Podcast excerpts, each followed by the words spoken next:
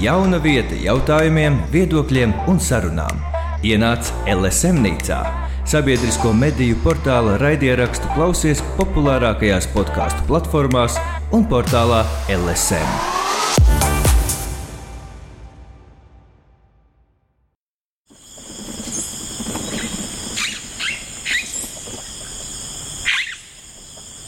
Dziesmu svētku tīklos. Dziesmu svētku tīklos. Dziesmu svētku pētniecības raidieraksta jauns cikls speciāli LSM nīcai - Raida Naba. Labdien! Šis ir dziesmu svētku pētnieciskais raidījums Dziesmu svētku tīklos. Šodien pie mums studijā ir trīs viesi. Sārma Freiberga, fonda un kora nāca līdzās dibinātāja un vadītāja, deju kolektīva Latvijas vadītāja un diplomāte psiholoģija. Paldies! Juris Jonelis, koncertu pasākumu un teātris režisors, pēdējos dziesmu svētkos režisēja lielkoncertu Tīrums. Jā, sveiciens. Ivars Mailītis, vairāk kā 25 gadus dziesmu svētku galvenais mākslinieks, Mākslas akadēmijas kora senais kalns dibinātājs, Sidraba Birs koncepcijas autors un varētu turpināt. Paldies!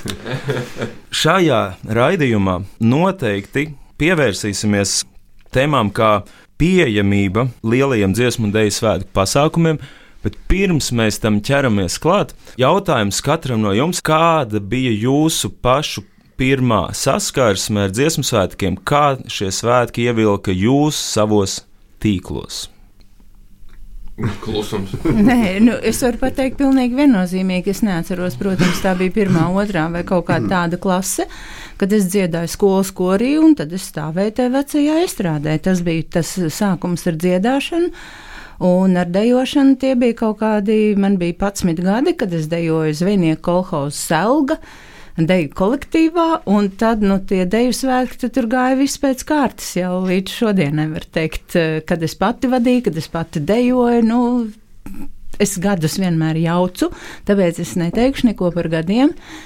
Jā, un ar kori tad es nodziedāju tur visas tas skolas laiku, vidusskolu ieskaitot. Nu, tagad es esmu atgriezies ar nāc līdzās kori. Paldies! Nu, tev, tev, tev būs garāks stāsts. Jā, es domāju, ka lielāka, lielāka, lielāka saskars un tālāk. Man, man šķiet, cik es atceros, ir 2008. gads dziesmu svētki. Es neatceros tikai jauniešu vai kas. To kas, kas to atcerās, vai ne? Bet tā, tā pirmā sajūta man bija tad, kad es, ne, es meloju 2003. gads. Tāda varētu būt. Arī īstie. Arī, ja. Es mācījos Latvijas kultūras koledžā, un mēs kā brīvprātīgie palīdzējām gājienā. Tā bija tāda man pirmā, pirmais pārsteiguma moments, kā vienā mm, lokācijā Rīgā satiekas tik daudz dalībnieku.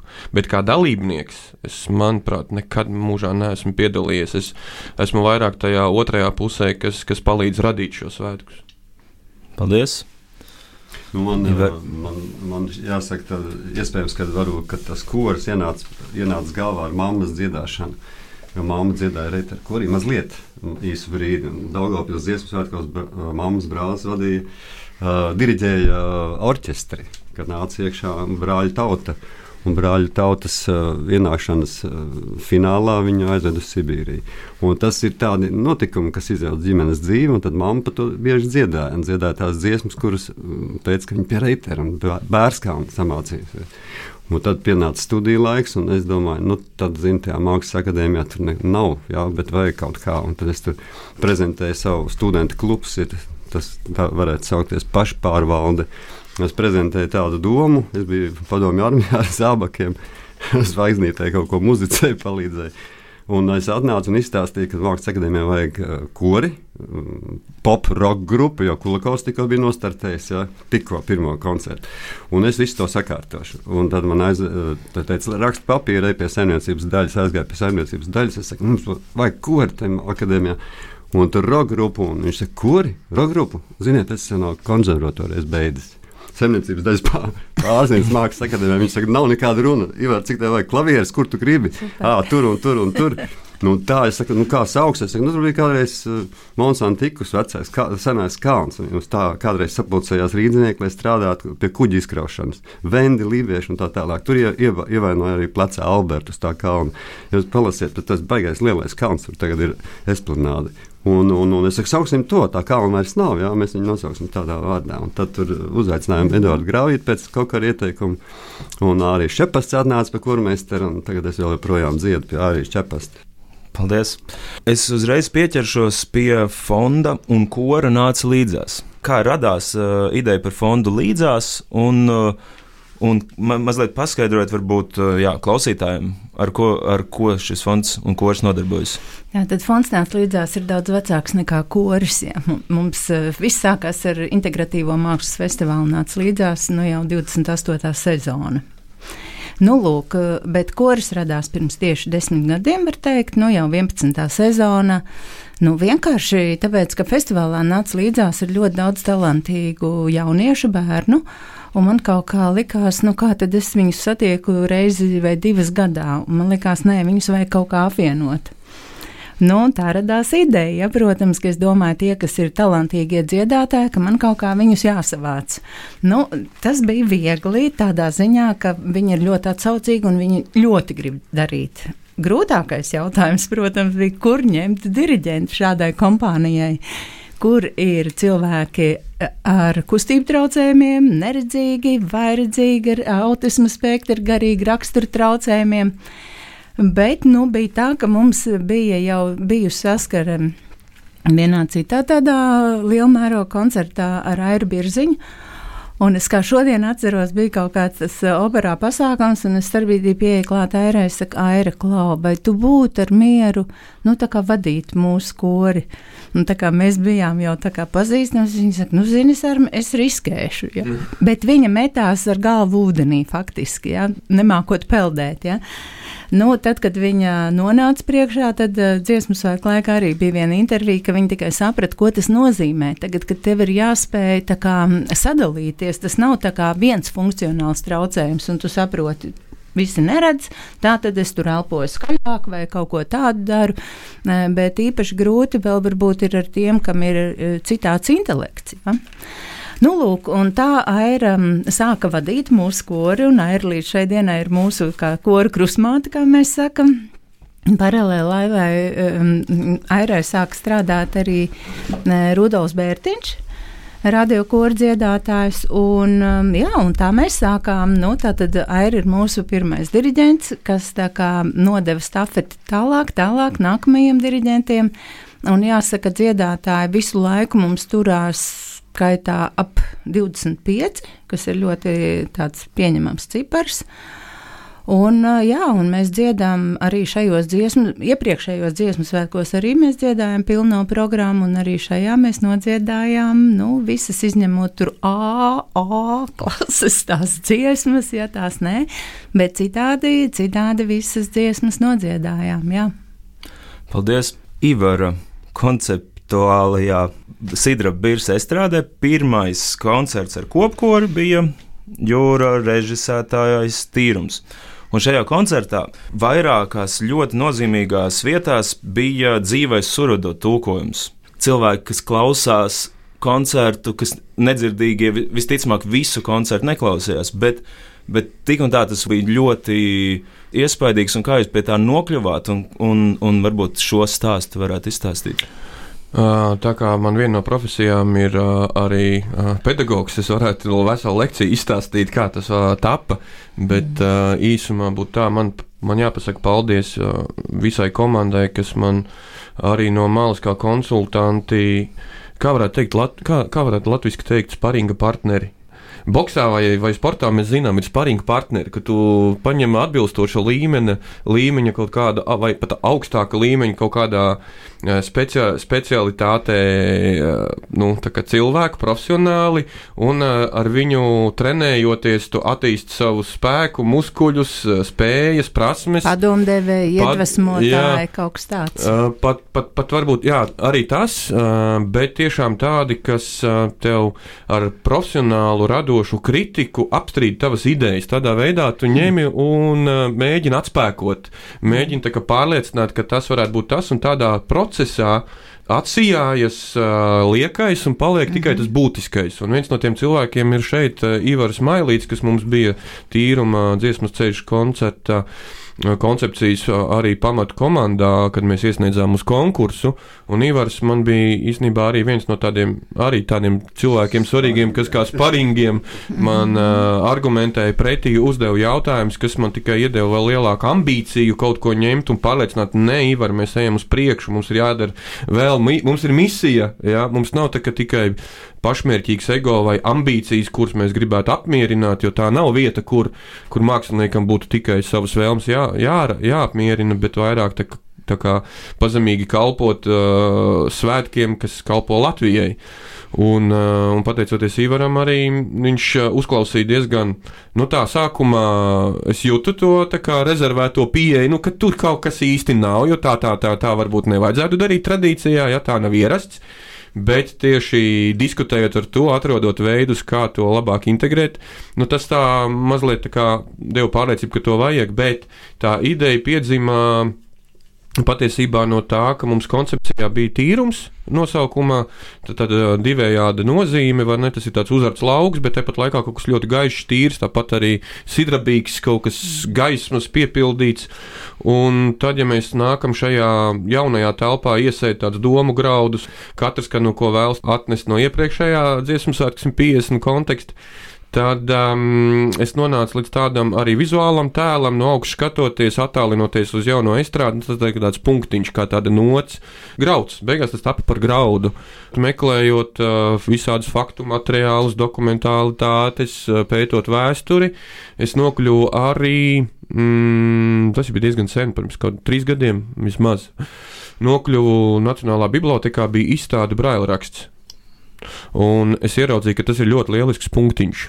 Uh, un es biju jau pirms tam zinājis un sajūts, ka mums vajag šajos svētkos pieskarties kaut kādā citādā veidā, uh, lai, tie, lai arī skatītāji sajust šo pieskārienu, sajustu nevis tikai saprast ar galvu, bet sajust šo 150 uh, vērtību. Un es to noprezentēju Ivaram, kur, kurš, kurš teica, ah, interesanti, bet kaut kā vēl tur, kaut kas varbūt tur vēl nav. es mazliet uh, bažījos par to, ka šādas it kā blakus humanās idejas var paņemt kaut kā, kā viņas, kā viņas smalki ielikt. Mm. Tā jau mums ir baigi maz mm. laika. Ja? Mm. Un Juris to perfekti izdomāja un nokārtoja. Nevis tas, ka viņu nevajag, bet kā viņu tur ieintegrēt tā, mm. lai viņš nu, lai nebūtu tāds pašmērķīgs no sāniem, lai tas būtu smalki. Mm. Nu, es varu pateikt, saprotu, yeah. Juris to nostrādāja vienkārši izcili. Jā, nu, un tad, tad man arī bija cilvēki, kas man vienmēr, kuriem es teicu, sēdiet man pretī, un jebko, ko es jums saku, sakiet, nē, tas nedara. Un tad es atradu veidu, kā pēc iespējas to, kā jau Ivars teica, kā pēc iespējas smalkāk to integrēt un kurā brīdī. Nu, protams, brāļa raksts mums neizdevās, bet mums bija doma, ka tas varētu būt tieši šī iekļaujošā sabiedrības daļa, tas veids, ka tas, ir, tas nav tikai ekskluzīvs produkts, bet tas ir visas sabiedrības daļa. Un mēs gribējām programmiņās to likt iekšā, varbūt pat eh, izdalīt nošu partitūru, ka tu vari dziedāt līdzi, jau sekot un, un piedalīties eh, ne tikai skatītāju rindās, jo izteikt to vārdu, nu nav laika tur, bet Bet, ja mums ir programma kā, kā māksliniecisks izteiksmes veids, arī izglītojošā daļa, tur vēsturiski bija plānā, ka varētu arī izzināt, kamēr ir pārējais vai intermēdijas vai dziesmas, tas cilvēks, kas neredz, viņš var sekot līdzi tai informācijai. Jā, nu, es, es drīkstu, es tev piebildīšu, Latvijā, diemžēl, braila notis vēl nelieto ir tikai braila raksts kā tāds, mm. ja, un, ja mēs runājam par programmām un tādu izzinošo daļu, to noteikti var mm. iekļaut, ja, jo to dziesmas daļu, to jau, teiksim, cilvēks dzird. Mm. Jā, bet to, kas ir teksts programmā, tā noteikti būtu labi. Savukārt, surdo tulkojums ir otrādi. Mm. tur tas nu, jā, ir ļoti vajadzīgs jā. vizuāli. Tad es arī, pēc, kad mēs sākām šo procesu, vēl nebija noslēguma komanda, es arī lūdzu arhitektiem, arī Ivaram teicu, varbūt, ka vajag estrādē tādu objektu, kad cilvēks, kas neredz, viņš sajūt šo sidraba birs telpu, pieskarās aptausta, un te viņš zina, kurā vietā mēs esam un taktīlo, klausās. Taktīlo objektu. Jā, es nezinu, vai nu, tad es teicu, ka tā ir laba ideja, bet es nezinu, vai viņa ir vai nav, vai kaut kad būs realizēta. Bet galvenais, tas grauds ir iesēts. grauds ir iesēts, gan jau izdīgs, vai ne? Nu, lūk, un tajā brīdī attīstot šo, šo ideju, es uh, domāju, ka vajag iekļaut vēl plašāku sabiedrības daļu, jo cilvēki ar īpašām vajadzībām, mēs zinām, ka estrādē tāpat dzied, viņi tur atvēlēta atsevišķa telpa, bet uh, tieši tie cilvēki, kuri ir vājdzirdīgi vai nedzirdīgi, nu, tā zīmju valoda ir kaut kādā brīdī arī atbilstoši ar to, ko diriģents dara. Mums ir katram sava valoda, kādā mēs izpaužam šo vēsti, vienalga lūkšanu, dziesmu, svinīgu soli un tā tālāk. Un tad uh, nāca negaidīti arī nezinu, no kurienes pēkšņi Insteterovskis nāca ar savu kori, kurš teica, klau, mēs gribam uztaisīt uh, projektu balsi zīmi valodā, nāca talkā, un es tā kā sapratu, kaut kas te kosmosā ir, kaut kas te sakrīt, un tad arī Inns aizgāja diezgan aktīvi pa priekšu šai idejai, un mēs gaidījām savu iespēju estrādē šo kārtu izspēlēt. Nu jā, bet jāteic, tā ideja bija plašāka. Mēs bijām domājuši, ka, ka tas bija jau gadu pirms mēs bijām gatavi dot uzdevumu visai Latvijas koru saimei, ka viss kors ir kaut kāda skaņdarbu, kas nodzied zīmju valodā, tie 16,000. Nu, tur mēs netikām cauri zināmiem uh, posmiem, kādam birokrātiski vai citādāk ir jāiziet cauri, bet uh, labi, ka mums izdevās uh, nu, izveidot šo nu, zi, zīmju kori, jo tur sastāvēja nu, tie bija tulki. Tie bija tulki dzirdēja, no visas jā. Latvijas. Tik cik mums viņi ir, mm, tie galvenie, mm. tik arī viņi tur bija. Tas tā arī tāds e, ekskluzīvs moments. Bet labs. jāteic, to mhm. noteikti sabiedrība nepamanīja klātesot, vai varbūt to pamanīja nedaudzi arī mm, televīzijā. Uh, Barisona Latvijā finālā dziesmas pants bija lūgums, kad viss koris kas spēj, kas ieradušies uz mēģinājumu, ar kustību noglāstīt zemi, jo tā kustība ir kā noglāstīt zemi, un kas mhm. patiesībā tulkojumā nozīmē dzied. Jā. Skaisti. Tu klausies LSM Nīcu, sabiedrisko mediju portāla raidierakstu.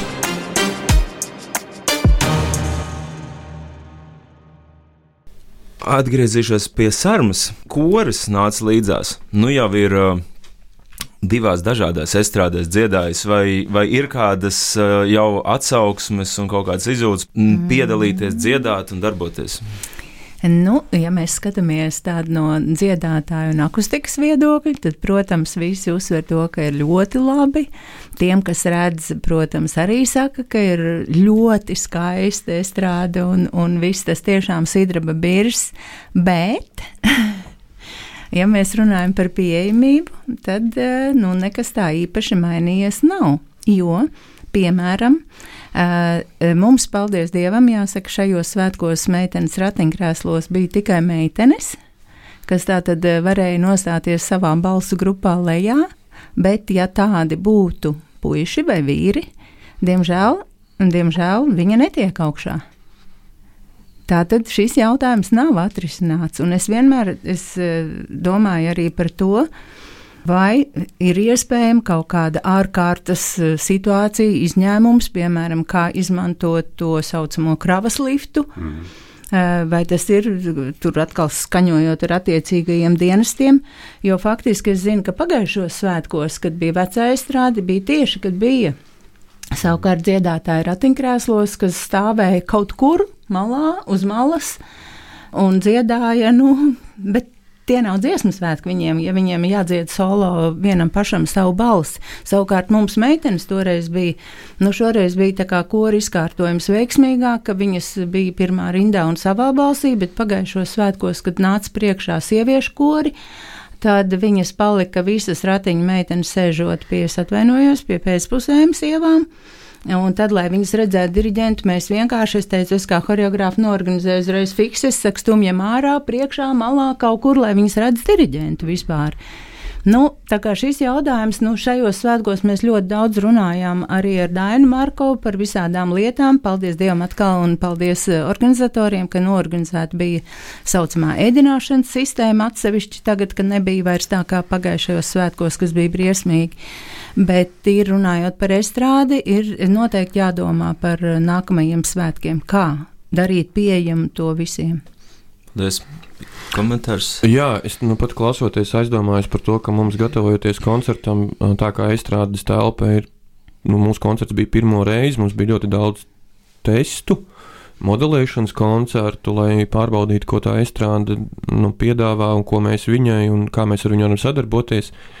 Mums bija arī pirms koncerta tādas diezgan spēcīgas sarunas ar, ar, ar, ar organizatoriskām, tehniskām pusēm, drošībniekiem un medicīnas personālu un tā tālāk. Uh, Es aizdomājos par vienu būtisku lietu, lai arī man bija ļoti patīkami redzēt, ka uh, pirmajās rindās ir šādi tipi cilvēki un, un piedalās svētkos. Es nezinu, varbūt Ivars var no arhitektūras puses pa, pakombe, pakomentēt, bet kas notiktu tajā brīdī, ja cilvēks ratiņkrēslā, jo, protams, sajūta ir laba, ka tu esi kaut kur augšā korī, bet kas notiktu tādā gadījumā, ja ir ārkārtas evakuācija. Nu, ko tad darīt, kā atrisināt šo jautājumu? Jo mums bija arī mēģinājums uh, estrādē uz evakuāciju speciāli, un tur bija konkrēts norādes, no kuras rindas uz kuram kur ir jāiet. Es nezinu, vai tas vispār ir atrisināms, ja kāds tur ir ar ratiņiem krēslā, jo tas kalns ir milzīgs. Mm -hmm. Jā, tur distance liela.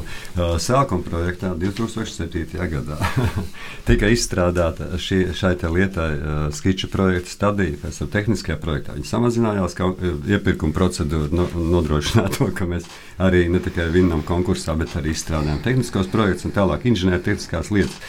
Bet aprīkojuma lietas uh, ir vienā brīdī tāda šķirt, šķirtne vai šķirkle, kur beidzās arhitekta un uh, scenogrāfa darbs. Jo es abas šīs profesijas apvienoju sevi un, un sākās vienkārši, varētu teikt, infrastruktūras labiekā. Nu, tas ir ceļi, pieejamība, to, par to visu, ko mēs tādā runājam. Uh mhm. -huh. Ir ļoti daudz tehnisku risinājumu, kādā veidā nodrošināt šiem cilvēkiem atrašanās vietu un, un, un pilnties, piln, nu, tādu pilnvērtīgu līdzdalību. Noteikti, visi, jūs taču esat bijuši Rīgā ļoti maz, es pat īsti nezinu, kur, bet man šķiet, ka Spānijā vai kur es Vācijā esmu parastā krodziņā var nobraukt lejā uz toaletu ar, ar, ar attiecīgiem aparātiem. Ziniet, tā tehnoloģijas ir absolūti pieejamas, viņas nav dārgas, viņas nav nekas tāds ļoti būtisks. Ir vienkārši jāsanāk, ko, jo uh, arhitektūra beidzās. Kā jūs zināt, varbūt mazliet tas arī par estrādi vispār kopumā. Jā. Vienā brīdī mēs pārtraucām sadarbību Baltkrieviju un Krieviju, kas mums nodrošināja materiālus uz pusi lētākus, jā, un, un daudzus materiālus, ne tikai vienus kaut kādus konkrētus. Līdz ar to mums bija nācās vispār pārtāmēt, jā, un, un tas arī ielika to gājienu, ka tāda interjera iekšpusē nemaz nav. Ja tā mēs tā skatāmies, ja viņi jau nemaz nav, jo mēs ar Austriju Austri birojas, nu, Austru Mailīšu birojas un dēlu birojas vienkārši nodarbojamies ar pārtāmēšanu, nevis ar strādāšanu, bet ar pārtāmēšanu. Tad jau tajā periodā, nu, tur nu, visi tur sāka naudas trūkums, bet nu, visiem tur bija tāds, jā, celtniekiem arī. Tehniskās lietas, kas uzlabo cilvēku pašsajūtu un visu to, ko mēs runājam, jā, ir neatrisināts, un viņas vienkārši jāņem no jauna ar apsaimniekotājiem, kuriem tagad ir tā, tā lieta, un ar visiem tiem, kas ir mēs, nu, amatieru kustība, jā, arī profesionāla kustība, visiem vienkārši atbildīgiem darbiniekiem jāsnāk kopā un jāatrisina. Jo šīs, te, es teiktu, viņas skaidri redz, kā mēs tur arī zīmējām. Mums arī jums bija nobraucams, nobraucams ar vienkārši ar tādu kā jahtu vinču, jā, nobrauc jumtu nost, un viņi nav, jā. Tas ir diezgan elementāri. Nu, tādu buru nolaiž lejā, brauc atpakaļ, nomazgā un uzbrauc atpakaļ. Un tas pats attiecās arī, nu, tas gan slikts salīdzinājums, bet es gribēju teikt, ka inženiertehniski, jā, nekāda sarežģītība nav divās joslās uz augšu, uz platformām uzlikt. Eh, Invalīdus. Paldies, Ivar, par šiem vārdiem. Tas un es domāju, ka nākamos svētkos mums ir obligāti kopīgiem spēkiem šis jāatrisina. Jo, eh, kāpēc? Es saku, piemēram, daudz saku uzreiz, ah, viņi jau nav tik daudz, cik jums ir? Man uzreiz prasa. Protams, ka viņu nav, tāpēc, ka viņi zina, ka viņi tur Jā, netiek gaidīti un ka viņi nevar tikt. Nu, kāpēc Jā, cilvēks... šoreiz arī lifts neaiziet līdz pēdējiem stāvam, un tā ir viena tehniska lieta, par kuru man vienkārši, nu, tagad viss redz, un toreiz vienkārši, šajos svētkos vienkārši pat no tīruma komandas gāja projām, jo es, no tā nervu sistēma neizturēs. Jā, jāfilmē filmu un jāuztraucās par to, lai nelīst lietas, jo mums pārkara nav pietiekoši. Nu, taču projekts sākumā bija 43, liels, liela pārkara, bet viņi tāpat nenosadz visu, jo savādāk mēs atrastos mm -hmm. kā bezdalīgi liksdā vai kā istabas čībā. Jā, mēs ielienām tā kā alā. Tā vairs nav sidraba virs sajūta, mēs tā kā, tā kā ieslēpjamies. Un tā kā mums bija arī vizuālās un arī tehniskās tās visas tādas, ir kaut kur robežas. Šīs robežas tika meklētas. Bet, Bet atgriežoties, jā, jā un, un arī tas, ka uh, tas lifts nenodrošina to pieejamību augš, augšiem stāvam, tas ir tīri tehnoloģiski. Gribās vēl kāds rindas klāt, un tad tam liftam vairs nav vietas. Un tāpēc runājam par ārējiem liftiem. Nu, tur ir daudz inž, inženiertehnisku risinājumu. Viņi jau ir. Viņi jau ne, nekāda, viņi vienkārši jāņem. Ir jābūt iniciatoram kādam, ja? kādam vienam, diviem, pieciem. Ja?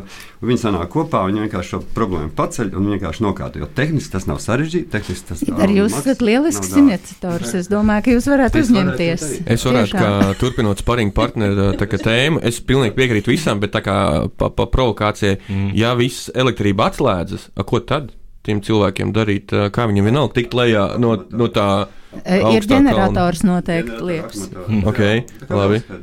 labi, pieņemu, pieņemu. Bet cik ilgā laikā? Ja?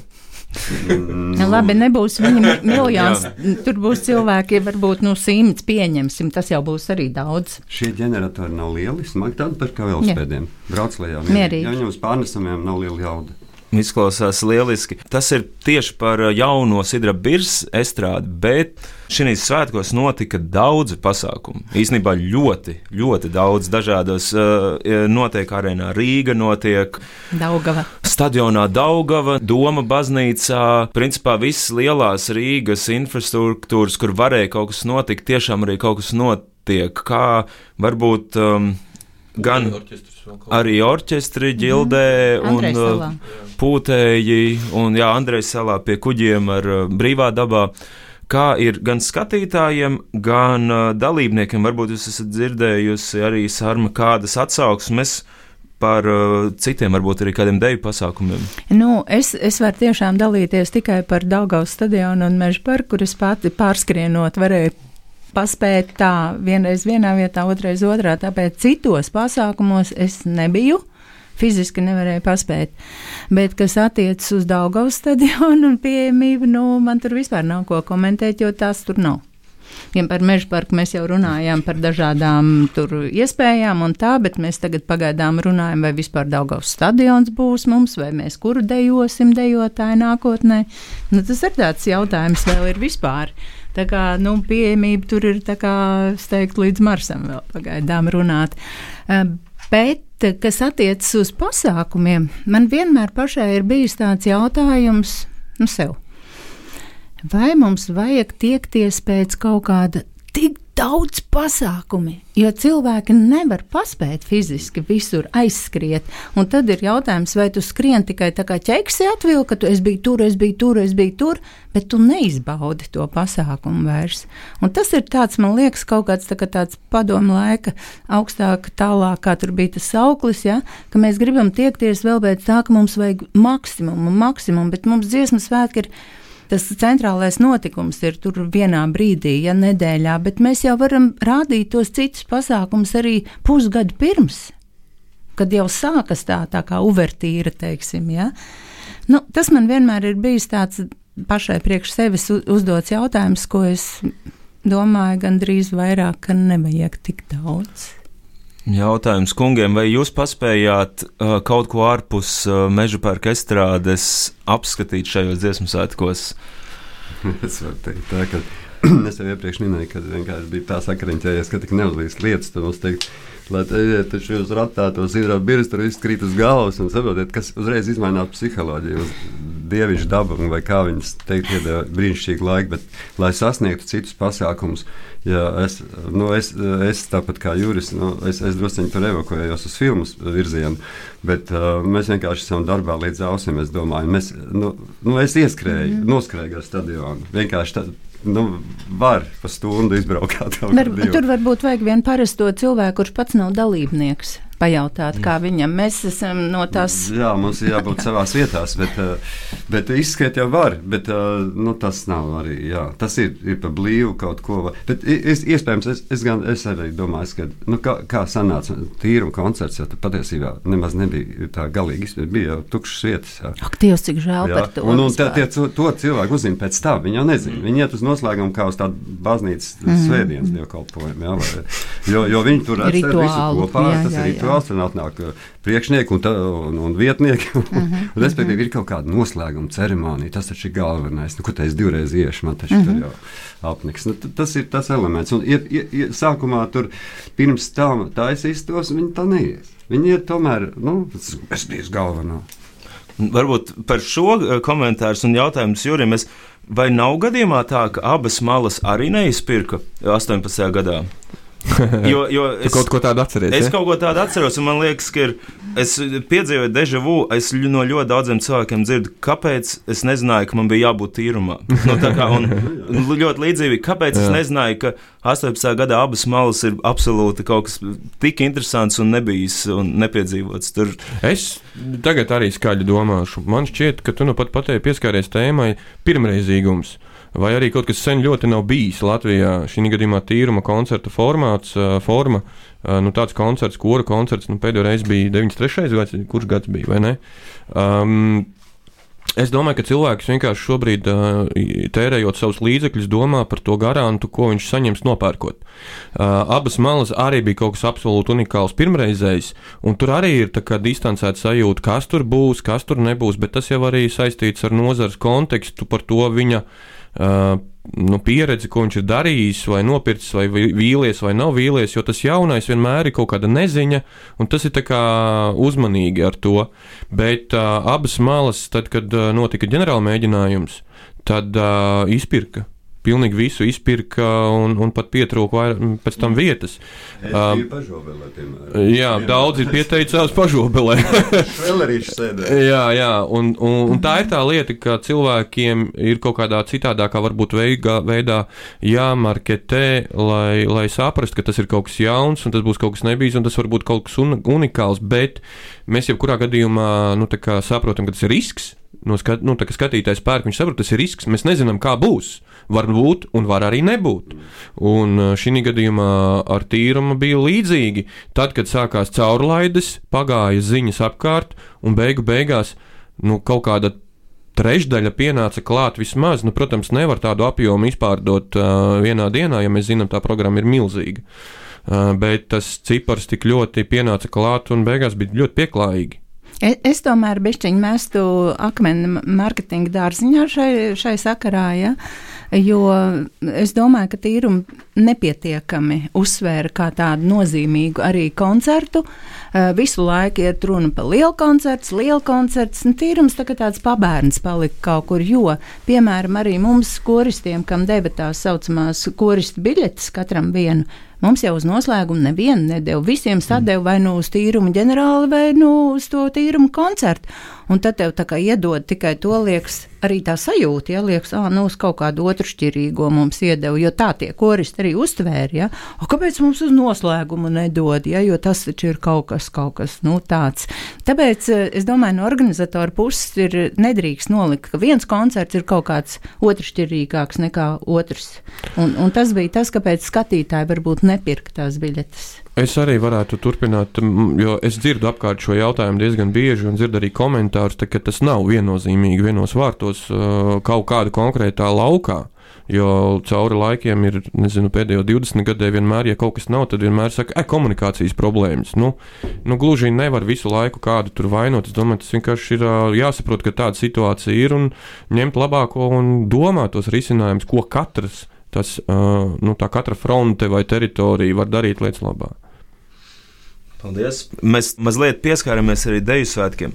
Vai kāds man to stāstīja, vai kaut kas tāds ir eksistējis, vai, vai es tikai spilgti to iztēlojos, bet vai kādos no deju uzvedumiem ir cilvēki ratiņkrēslos veidojuši formas paši?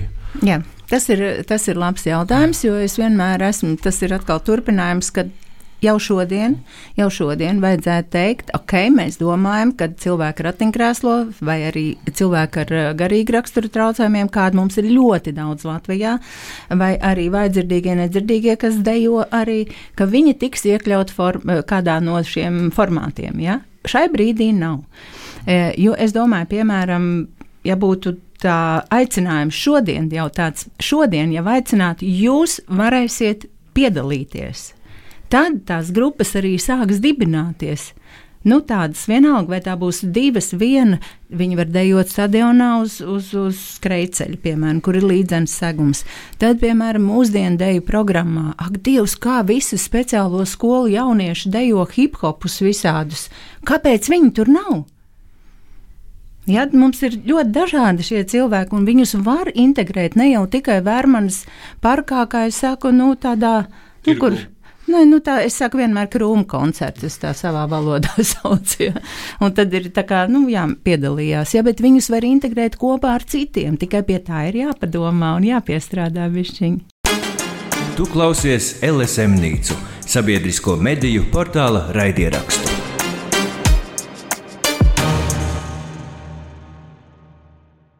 Juri, vēl eh, pieturpinot par um, režijas lietām, bija ļoti interesanti vērot, ka bija Latvijas himna režisēta. Mm -hmm. Un kā jūs pie tās idejas nonācāt? Kāds tas process, uh, process varbūt bija?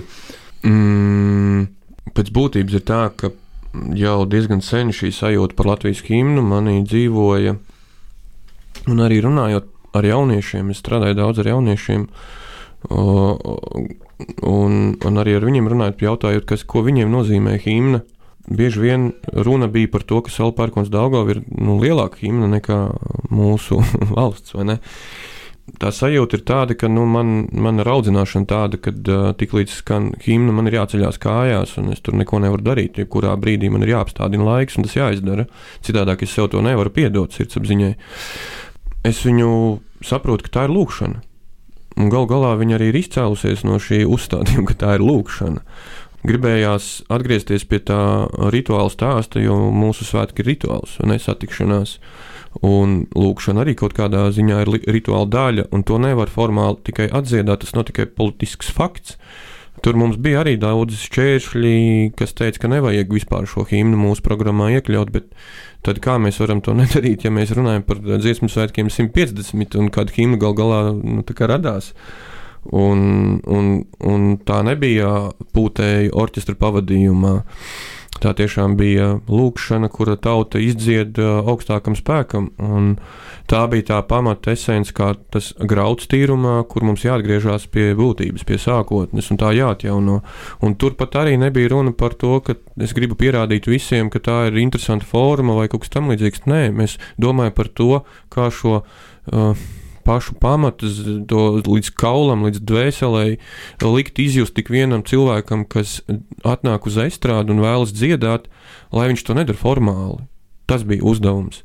Un tālāk atkal ir testi. Mums tāpēc arī ir video zīmju valodā, kur mēs testējām uz jauniešiem, jo jaunieši arī teica, kad mēs izstāstījām šo ideju par, par zīmju valodā, himnu nodziedāt, un es arī parādīju skices, viņi sāka mācīties. Un daudz jauniešu arī korī, kas tur dziedāja, dziedāja līdzi zīmju valodā, viņi bija redzējuši šo video, šo ideju. Un es ceru, ka nākamajā reizē vēl kāds pievienosies. Bet tas nav pašmērķis. Tā doma ir ka tu dari visu iespējamo, lai tas būtu pēc būtības, nevis pēc formas, kā formāls. Un, um, un, un es biju pateicīgs, ka uh, Kaspars uh, Ādamsons arī Čepasts, māk, kā mākslinieckie vadītāji un diriģents šeit mums pienāca talkā Sigvards. Uh, kļava, kur uh, uzklausīju šo ideju un darīju visu iespējamo, lai tas notiktu. Tad, ja mūsu stāsts no dziesmu svētkiem ir no tā grauda līdz uh, lielai sanākšanai, tad arī šī lūkšana ir no viena punkta līdz, līdz uh, lielam atbalstam. Un tad, uh, pētot vēsturiski kaut kādus dokumentālos materiālus, es atradu vienu stāstu par viņa par jaunu, jaunu meiteni, kurai, manuprāt, pat uh, vēl nebija desmit gadu. Viņa bija nokļuvusi Sibīrijā 50. gados, un vienlaicīgi, kad Latvijā bija dziesmu svētki, viņi, uh, viņa sa, uh, vienā sajietā arī piedalījās un tur dziedāja dziesmas pastāvošai varai. viņa izstūma bluķīti, uzkāpa augšā un dziedāja himnu, ne, ne, nevis dziedāja himnu, bet dziedāja dziesmu, lai to kā lūkšanu būt kopā ar tiem, kas ir Latvijā un svin svētkus. Un mēs to sajūtām tiešām kā tādu himnu, ka viņi to, to ir darījusi.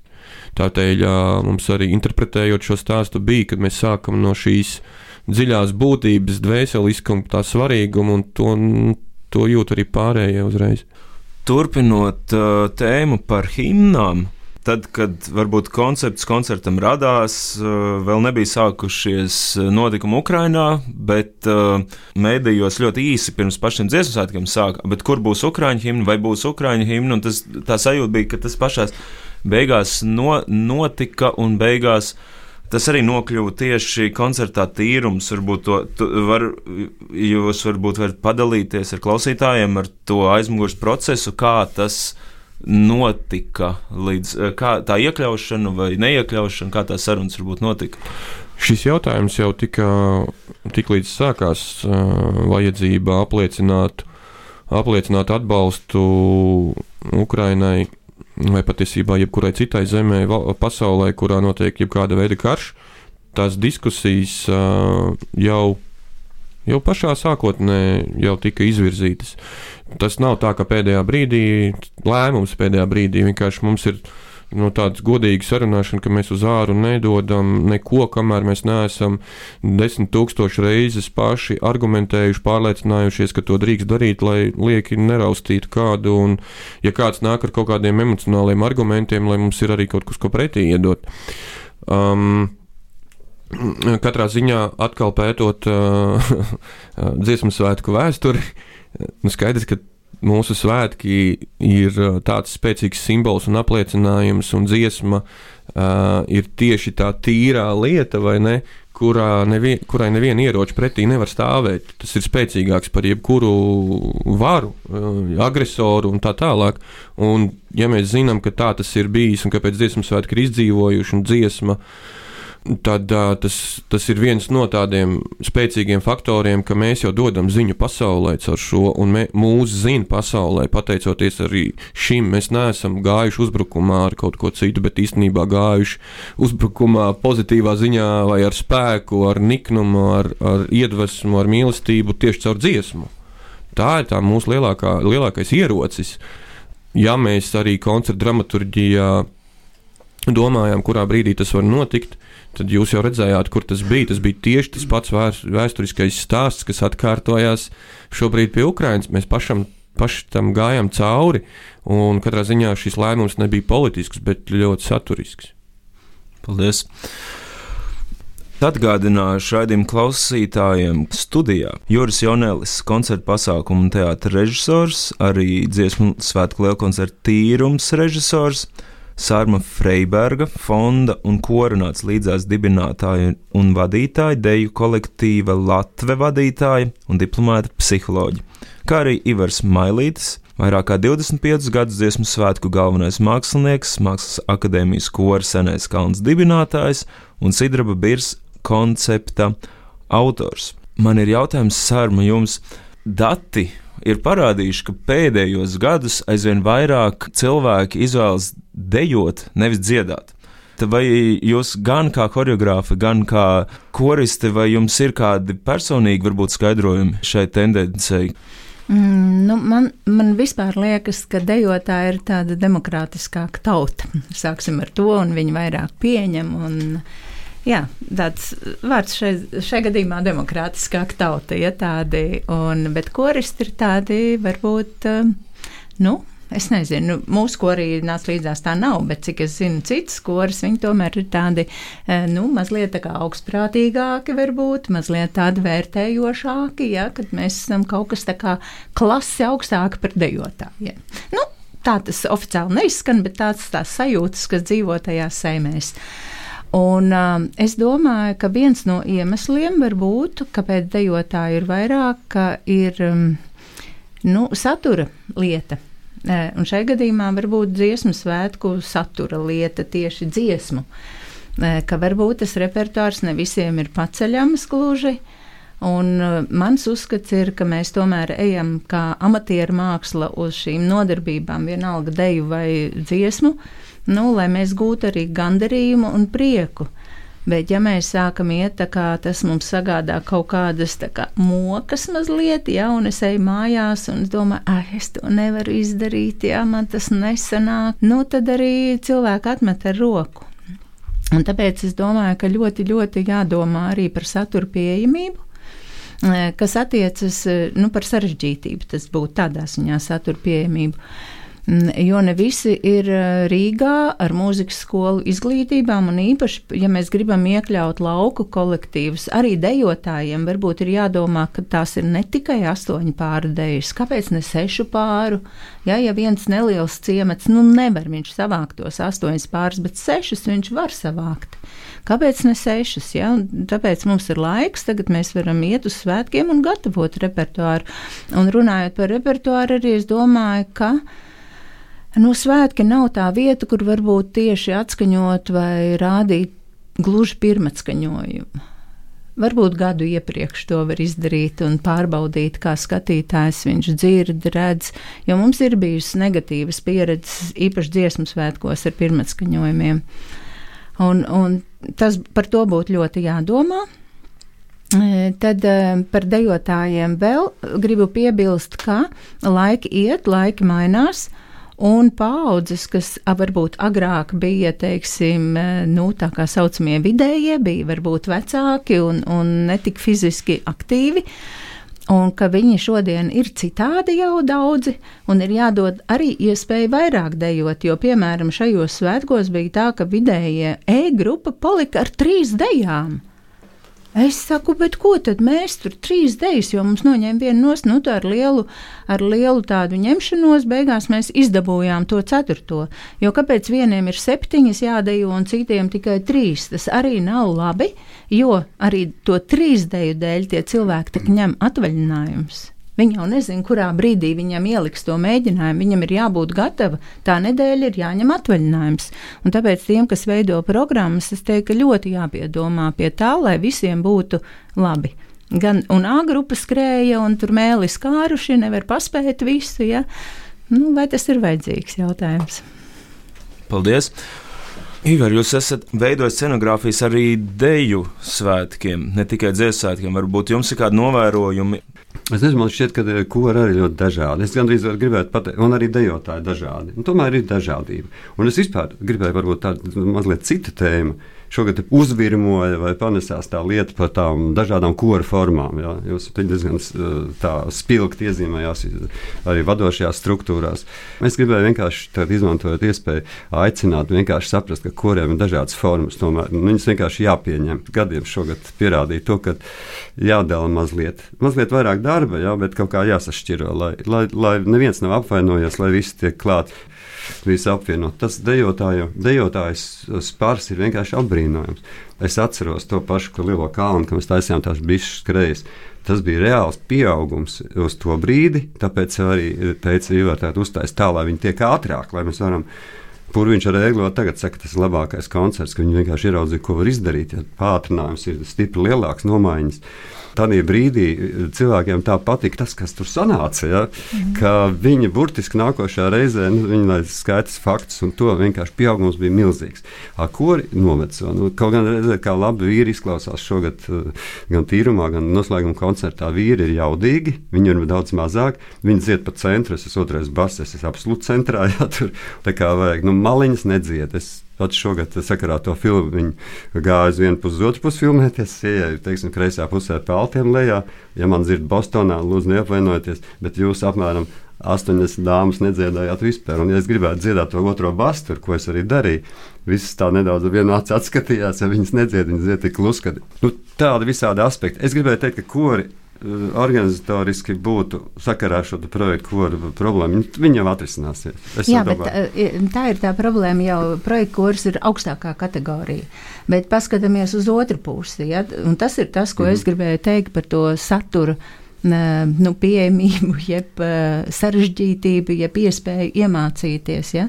Jo, piemēram, salīdzinam, uh, nu, saka, ja tur vecāki kor, koristi vairs neiet un tā, bet senioru deju kolektīvi ir, un jā. daudz ir, un tur dejo tie paši vīri, jā, arī. Kaifo, riktīgi. Jā, nu, un kaifo, jā, vēl tā tad viņi var to izdarīt, un viņi dabū to kaifu no tā procesa, jā, bet ja viņš iet un viņš nevar nodziedāt to kaut kādu dziesmu, kas ir tā kā viņam sarežģītu. Ja? Mm. Un te ir jādomā par to repertuāru, varbūt lielāku iespēju izvēlēties, ja? nu, kurš var paņemt to augšu, ņem to augšu, un ņem uz konkursiem un cīnās un ņemās. Ja? Nu, un kuri nevar, tad viņi ir tādi, nu, viņi paņem to savu repertuāru un arī var forši piedalīties ja? un nejusties tāpēc par sliktākiem. Vai es šeit gribēju atkal vienu, gandrīz par to pašu tēmu, tādu, tādu domu. Es vienmēr es dzirdu šo sarunu, ziniet, tas 40 gadus tur maisos. Ja, un es vienmēr dzirdu tieši šo pašu tēmu. Tieši, tieši šī tēma ir ļoti populāra. Aizbraucu uz laukiem, kur, kur no kāda doktora saka, viņa saka, nu, kāpēc mums moka? Nu, skaidrs, ka mocīja to reizi. Prauliņa gabals, man draugs, prauliņa gabals ir pusstundu jādzied. Līgo dziesmas pēc tam 40. Uh, nu, viss līgojas, kamēr aizlīgojas. Šogad arī, tagad, teiksim, noslēguma koncertā četras balādes, pēc tam vēl jādzied gaismas pilni. Nu, neaplaudēs vairs, ja tu visu laiku dziedi viens tāds mm -hmm. pašs dziesmas, mm vēl nomainīt to dziesmu, kur Dimitrs tur, tur čam, mm -hmm. sačamāja visu to pasākumu. Tā, tā, tā arī vēl līdzīgi. Vesels bars vienādu dziesmu, un tad vēl jādzied gaismas pilns. Vairs negribās to vienu tā pašu harmoniju klausīties. Nu. Bet tas uh, dialogs, kā veidot repertuāru, Mēs ar Juriju gājām cauri tam tīrumu repertuāram. Mēs ar Kasparu un Āriju ja, un Juriju. Mēs, mēs tupējām uz grīdas, rakstījām uz lieliem ruļļiem, ja, visu dienu ja, gudrojām, ko var, ko nevar. Nu, tā ir baigā pieredze, baigā smalkā jušana, ko var to dabūt. Un bez ambīcijām. Galvenais ir bez tām muļķīgām daudzām ambīcijām, kuras tajos noslēguma koncertos mums uzrādās. Es neesmu pirmais, ne pēdējais, kas to teiks. Mārcis Sirmais arī nesen teica televīzijā, tā kā es droši saku ir tās ambīcijas. Profesionālim gribās, lai viņa dziesma skan tīri, smalki, labāk. Viņš noklusinās to, kas tur nav. Un pēc tam piecas reizes vēl es gribu diriģēt to visu, jā. nevis divas jā, vai vienu, piecas gribu. Un, un tad viņš tiek klāt, un viņš tur diriģē. Nu, tas, nu, tas ir tās, tādā tīrumā. Visi bija toleranti, uzmanīgi viens pret otru un meklēja labāko koncerta risinājumu noslēguma koncertā meklēja dziesmu svētku risinājumu. Tās ir divas dažādas lietas. Koncerts ir kā vecos laikos, mēs runājam, 30 gadu atpakaļ, ir bez čurāšanas. Bet uh, svētki ir ar divām čurāšanām. Mm. Tas ievērojami izmaina vispār situāciju. Aiziet pačurāt un atnākt atpakaļ izmainīt to. Es varēju aiziet līdz savām mājām, un atpakaļ nomazgāties dušā, un koncerts jau pusē. Ja? Tad es netādu dzīvoju no tādas lietas. Jā, vai tev radās man svētku? ir savādāk. Man nav tāds svētku sajūta. Zini, kad es tā kā ienirstu, nu, es atvainojos, nu, es teikšu, ienirstu orgasmā un pēkšņi, nē, man jāiet uz mājām, vēl pārģērties. Nu, labi, sevi mājās nāk atpakaļ. Bet es jau no tā kaifa izlienu ārā. Es jau Nu, no tās tā. izrādes jau, Nu, jau pabeidzu smalā. sajūta. Bet, ziniet, tur atkal ir kāds cits moments. Tas cilvēks tā kā pulsē, ik pa laikam pienāk, teiksim, sieviešu kora arī izcils dziesmas dziedāja. Aira tur nodziedāja, Aira nodiriģēja mm. tādas dziesmas, ko vācieši saka, un tā ir augstākā solo klasa tur kopā ar to. Viss jau ir vajadzīgs, bet visas skūkas, kas ir veikalā, konditorijā, tiešām pa vienu vakaru nevar apēst. Ja? Mm. Un, un tas ir pat kā. Un, un, un, vēl tajā degvīna veikalā viss to izturēt. Tad ir pa galam. Pirmkārt jau pie trešdaļas jau apmest. Jāspēj atmest kaut ko nost tomēr. Un tā laikam. ir smalka māksla. Jā. Un šeit nu gan uh, tīrums nodemonstrē, ka to var izdarīt. Un, un, un tas ir saprotams, kad uh, Džeki strādāja ar nu, Džeki, to starp es arī tur pašā sākumā. Jā, mēs vienkārši nu, skaidrs, ka. Jā, un pēc tam pārņēma stāfetes scenogrāfa Austras Niķeri. Jā, un tie scenogrāfi izdarīja tādu foršu lietu. izdarīja vienkārši ekscelenti. Jā, bez to repertuāra lietu gribēju teikt tieši. Man liekas, ka tikai trīs reizes nomainījās visi tie salikumi. Kā tie salikumi tika lipināti kopā. Ja? O, scenogrāfijas lieta tur bija diezgan vienkārša. Sākumā jau mēs sākām runāt par tēlu laipām. Ziniet, tas koncerts radās vispār tā. Arī Šepas nelikās mierā man, ja viņš saka, tu tur visu laiku maisies, tu visu laiku tur esi konkursos, un ko tur viņš saka, vajag vienkārši, nu, nu vajag to koncertu taisīt. Es esmu tāds džeks, nu, tā kā viņš man, mans diriģents tiešais un man draugs, un, un, un Kaspars izauga man korī pa kājām maisoties Mākslas akadēmijā. Un viņi abi ir draugi. Viņi saka, eh, nu, arī saka, es saku, klausies, labāk būs tā, ka tu ņemsi to Kasparu sarunās, un es Austrijā. Tā kā nu, viņš ir populārāk, tā jaunā paudze, zina, kā nu, mums večus Jā, jā, varbūt jā. tur atmetīs. Es saku, ja mēs šitādā kvadrātā tur ejam, jā, mums, mums nav. Un tad tas tēva laipas jūras vai kas, bet tas tēva laipas vajag pielietots tas pasākums. Bet tēva, tēva laipas mums palika, nu, kaut kur tādā, kā saka, rezervītē, kā tās darba variants. Viņas jau izpaudās jauno mūsu scenogrāfu, izcili jaunieši nostrādāja, ja, man prieks, ja, bet tās tēva la- laipas jau tur intuitīvi palika. Tur jau jūras labāk var pastāstīt, kā viņi tur aizgāja līdz tam mērķim, bet izskatījās kolosāli. Tur Ūdens un uguns, nu, Jā. tur daudz saka, tur pašmērķības, tas viss ir atkal savādāk. O, It sevišķi tāpēc, ka noslēgumā atkal ir cita lieta. Es zinu, ka Austris. Mans dēls, kad taisīja scenogrāfiju, tad viņam ar Rēnu Hanovu bija tā doma, ka estrāde ir un neko nevajag. Pārējo visu dara cilvēki. Ja? Nu, un, un, bet, nu, tomēr, ja tur baigi ilgi, es jau minēju par tām balādēm, ja tur un tā, jā, jā, dara cilvēku un dara to vienkārši. Un, ja, zināms, ka ir divas koncepcijas - koncerts un dziesmu svētku koncerts. Tas ir, ja jūs tādā smalki ieklausāties, Brīsmans taisīja, teiksim, Rīgas koncertu, atcerieties, simtgadu Rīgai. Īstu koncentrētu. Tur vienreiz uz ūdens uh, izsmidzināšanas parādījās Ojārs Vācietis. Mākslas padomē, visi mākslas padomē, 23 cilvēki teica, izbeidziet, mēs nevaram par tādu naudu pirkt, pirkt jūsu izsmidzinājumu un parādīt vienreiz Ojāru Vācieti. Beidziet vienkārši. Un, un, un izgājām ārā Brīsmanu tur aiz stūra, vienkārši ejam apakaļ ar spēku. Ja? Dž, Tieši tāpēc mēs viņu pērkam, ka mēs tikai vienreiz gribam parādīt. Tikmēr ņēmāmies, ka vienreiz parādījām, labi, vienreiz tur pasmidzināja iepriekš. Bet saprotiet, tas, tas, nu, tas ir to vērts vienkārši. Mm -hmm. Ja tu piedzīvo pirmo reizi, tad otro reizi to pirmo mīlu nepiedzīvo. Otrais tajā upē neiekāp nu, tu dari ar visu, ko tu vari. Un, un tā ir jušana jau pirms tam. Tā ir pieredze, nu, beigās pats cilvēka talants, kas, kas viņu tur nes un kā tas viss tur beigās sanāk. Un, un arī atbildības sajūta, un arī tas ambīciju līmenis. Tas arī ir svarīgs. Un es zinu, ka Dārijas ar Kasparu un Jūri vienkārši, nu, es, es gribētu teikt, vienkārši cilvēki gudroja, kā labāk vajag. Nevis kam labāk, bet kā labāk. Jā, bet es, es papildināšu to, piemēram, es kā, un arī mana kora, visi dziedātāji un mani paziņas, kas bija uz koncertiem abiem, vienalga sauksim viņu par koncertu vai dziesmu svētkiem. Uh, Lūk, tīrumā bija tas, ka tas nebija tik garš, kā pārgarš, ja teiksim, ka bija tu dabūji tās emocijas, un repertuārs nebija no nu, ar labo roku, kreiso ausi kasi. Uh, Un, un viss kopums tas iznāca tāds, nu, tāds, wow, un tev ir pacelājums. Un, un man bija dziedātāji, kas teica, ka viņi dzied dažas dziesmas, ka viņi raud. Mm, ja, tās emocijas, tās emocijas vienalga, ko, kā mēs saucam to koncertu vai dziesmu svētki, arī tajā lielajā ir jādabū emocijas. Un šajā gadījumā bija tā, ka mēs, viņš bija tik garš, un beigās jau, kad gaismas pili, es dziedu un es jūtu, manī nav emociju. Just. Saproti, tas nav riktīgi. Pilnīgi tā tad nav, nav, nav. Jā. Un, un tas vienalga, kā mēs viņu nosaucam, bet eh, būtība ir jādabū tā katarse gan, gan tam, kurš dzied, gan tam, kurš klausās. Es to saucu par tādiem mūzikas, tāpēc ir tie galvenie eh, mākslinieckie vadītāji. Viņiem ir jānojūt eh, tas koncerta garums, ilgums, iespējas, pacēlumi, mm. kritumi, uh, tonalitātes mhm, maiņas. Mm -hmm. uh, nu, teiksim, ārijam šķepastam man šķiet ienāca prātā dusmu dziesmu pa vidu ielikt. Saprotiet, visu velk, velk tās, vienkāršās pēkšņi dusmu dziesmu. Mm -hmm. Dun, dun, dun, dun, manas, tautas, tautas, dun cits. Ja? Nu, un tad tur sāk kā citi pamostās to hoku, ko viņi roķi bez mums dzird. Mm -hmm. nu, kas Un man Mūzika ļoti patīk sirmais, kas eh, dziedātājiem arī pagājušajā svētkos laustās priecas. Es nekad nedomāju, ka man laustās priecas vajag uzrunās, bet tas, kā sirmais nostrādāja, izstāstīja, un tā bija viena no tādām dziesmām, kas visvairāk aizķēra. Ja? Ziniet, tā tāda dziesmu koki. Jā. Nu, tas gribētu uzreiz izstāstīt. Mārcis Kalniņš ierosināja tādu dziesmu koki, lai uzrakstītu kādu spēku dziesmu. Sandra uzrakstīja. Un dziesmā koki tas ir viens pret vienu ar estrādes koncepciju, Sidraudu Dirs. Un es priecājos, un tas bija jaundarbs, un viņš izklaus, izskat, mhm, izklausījās mm -hmm. labi. Ka ir tāds domas, ka jaungada nes, neskan. Šoreiz bija daži jauni darbi. Paldies Dievam, viņi šoreiz viņi skanēja izcili. mm, paldies!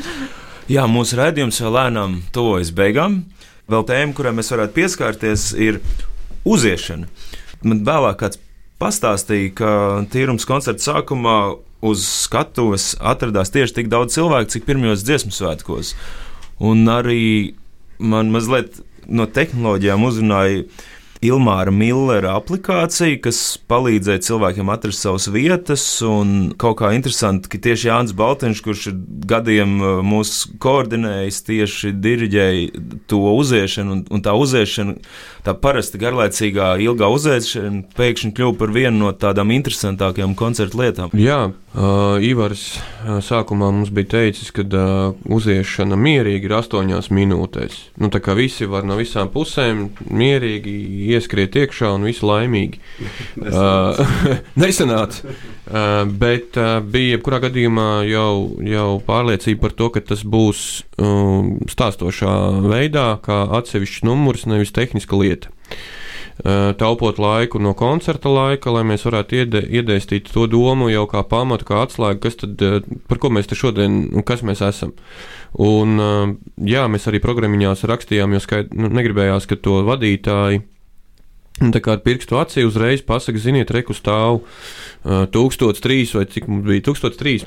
Var sakot, tie, tie pirmie tiek tieši tik daudz dziedātāji, cik bija pirmajos svētkos, ka mēs ieraugām, ka tajā tīrumā ir tas, tas pirmais grauds. Un tad uh, cauri 150 gadiem tad, nu, pievienojās tā lielā saima, kas mēs esam šodien. Un to izdarīt tā, ka katrs reģions tiek pārstāvēts. Un arī Sēlija šore, šoreiz bija pārstāvēta a, kā atsevišķs novads, kultūra vēsturiskais novads. Un uh, katrs tas posms, kurā tad uh, mēs ļāvām nākt augšā, visi koris dziedāja konkrētā dialektā. No kurienes tu nāc, tad arī dziedi. Tas nebija viegli. Tas nav viegli. Ne pavisam nav viegli, bet tas uh, tomēr nostrādāja. Acīm redzot, ja daudz to pamanīja un jūta. Uh, Un tas tāpēc arī varbūt kļuva par tādu sajūtu, par tādu veselumu sajūtu, ka mēs esam kopums, nevis kaut kā sadrumstaloti. Bet tas parādīja, cik mēs dažādi esam. Arī. Jā, tas jā viennozīmīgi.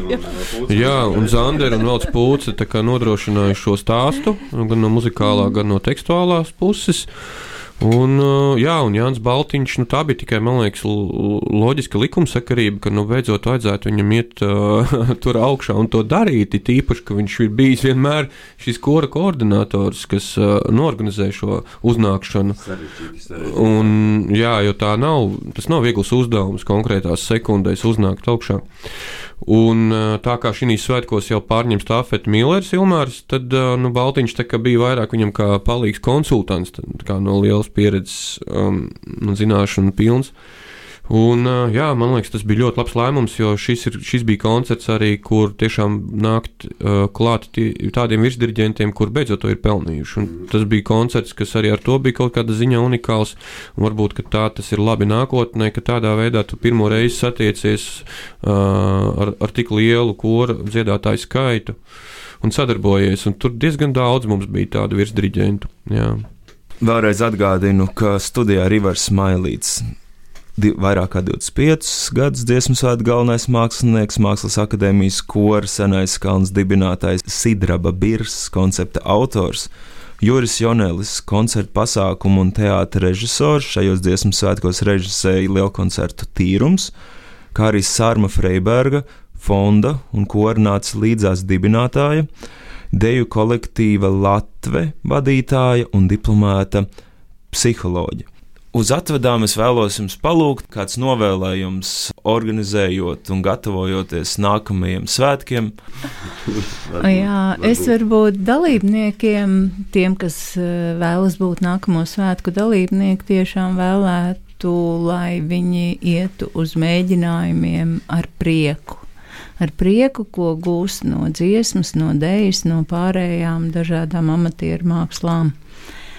Un savukārt tai komandai, kas veidos tos svētkus, tiešām padomāt par visām tām lietām, par ko mēs šodien runājām, jo tikai kopā mēs tos svētkus varam uztaisīt tādas foršas, ka visi tur jūtas vienlīdz labi. Paldies! Es, es varētu novēlēt tā visiem kādreiz paņemt gaisa balonu vai lidmašīnīti vai nezinu, puķi parasto. Ja, pacelties gaisā, paskat, apbraucot tādu lielu attālumu pāri visai pasaulē, brau, lidojot pāri, tā, nu, garie pārlidojumi notiek. Paskatieties, ka ir tāda īpatnēja vieta, tur pie Baltijas jūras tāds krasts, ja, kur ir tāda īpatnēja cilvēka, kur var, kuri var kaut kādā mistiskā veidā, vienkārši fantastiskā veidā sa, salīt kopā savu budžetiņu, ja tur samācīties foršākie, skanīgākie dziedātāji. Maza, maza tautas piekrastīta, tur, uh, tur igaunieši un mēs tur balīši visi kopā. Ko, kas var šādu skaņu lietu, ko tagad Sigvards Kļauts pademonstrēja pasaulē? Nu, pasaule atliekās. Vienkārši mums ir sidraba skaņa, viņa tā viņu arī sauc. Mums ir sidraba birs. Vienkārši esam lepni, ticam, priecājamies par to, kas mums ir. Un ceram uz nākotnē, mums sanāk vēl labāk. Ja? Un, un, un šī lieta ir Es, es, es nevaru iedomāties, kā viņi var izsīkt, ja? jo tā ir mūsu izglītība, mūsu prieks, laime. Būtībā man ir kaut kas foršāks. Paldies! Mm, es jau teicu, ka es neesmu piedzīvojis to brīdi dziedāt kādā ko, ko, kora notikumā, vai dejot kādā notikumā, vai spēlēt kokli. Jā, es um, nu, svētkos vienmēr esmu bijis radīšanā, organizatoriskā pusē. Es uh, saņēmu šo notikumu septembrī, uzejot starp vīriem, sēžot, klausoties mēģinājumā, estrādē un būt iekšā tajā. Un šoreiz arī, man liekas, es aizgāju tur, kur tu stāvēji. Un, un, un tie bija divi tādi ļoti spilgti emocionāli momenti. Viens bija mazais skaits, pusotrs tūkstošs dziedātāji, un tagad jau visi kopā. Es tiešām novēlu piedzīvot to sajūtu ikvienam, ka tu tur stāvi korī iekšā. Viens ir tas, ka tu esi ārā, skaties to visu, bet tad, kad tu esi korī iekšā, mīļie draugi, tas ir. To nevar aprakstīt. Tur ir tāda sajūta, ka es satiekos ar kaut kādām zemes dzīvēm, ar kaut kādu sakrālo debesīmu, kosmosu, cilvēciskumu, reizē kaut kādu mūžību. Uh, un dara to tādā gaismas veidā. Man liekas, ka mēs tur tā starojam. Un, un katrā ziņā tie ir tādi divi spilgtākie momenti, kur es sajūtu to vibrāciju. No iekšienes, kā būtu es kaut kādā tiešām saules atvarā, vai kaut kādā, es nezinu, metaforiski to pat nevar nosaukt. Bet tas bija tik saviņojoši, aizkustinoši, kad, kad, kad uh, grūti bija apvaldīt arī kaut ko citu, kas nāk ārā pa acīm. Uh, es novēlu to piedzīvot, it īpaši šī brīdī, um, kad tā nākotne ir uz jautājumu zīmes. Tas, ka viņi izdzīvo šie svētki, ir skaidrs jautājums, kā mēs viņus uh, nodosim tālāk, padarot svaigus dzīvus. Jo ir, protams, daudz jauniešu, kad viss tagad ir vaļā, uh, daudzi liekas, nu, tas ir garlaicīgi, bet uh, tas ir garlaicīgi iespējams no apstākļiem, ka mēs neesam vēl to piedzīvojuši šādā veidā. Es tā kā novēlu tiešām ikvienam ne tikai uz šo koncertu procesu, kā gala rituālu, vai notikumu, vai piedzīvojumu atnākt kā restartu, vai iedvesmas uzlādiņu jaudu, bet eh, šajā visā ciklā regulāri mēģināt sev atrast iespēju tajā būt iekšā, jo tādu piedzīvo to notikumu ilgā laika posmā. Es vēl tikai piebildīšu skaistajam jūra tekstam lai viss tas notiktu tiešām tā ar to maģiju, ar visu to iekšā būšanu un forši, mums ir ļoti jādomā Latvijā par to, lai skolās būtu dziedāšanas skolotāji. Un būtu dziedāšanas stundas, jo tikai tad, ja mēs sāksim no skolas šos bērnus jau mācīt, gan dziedāt, gan dejot un pievērsties šim garīgumam, ne tikai fizikai, matemātikai un ķīmijai, tad arī mums būs dziesmu svētki nākotnē. Paldies! Tikko skanēja raidījums dziesmu svētku tīklos. Lai jums jauka diena! Jauna vieta jautājumiem, viedokļiem un sarunām. Ienāc LSM Nīcā, sabiedrisko mediju portāla raidierakstu klausies populārākajās podkāstu platformās un portālā LSM.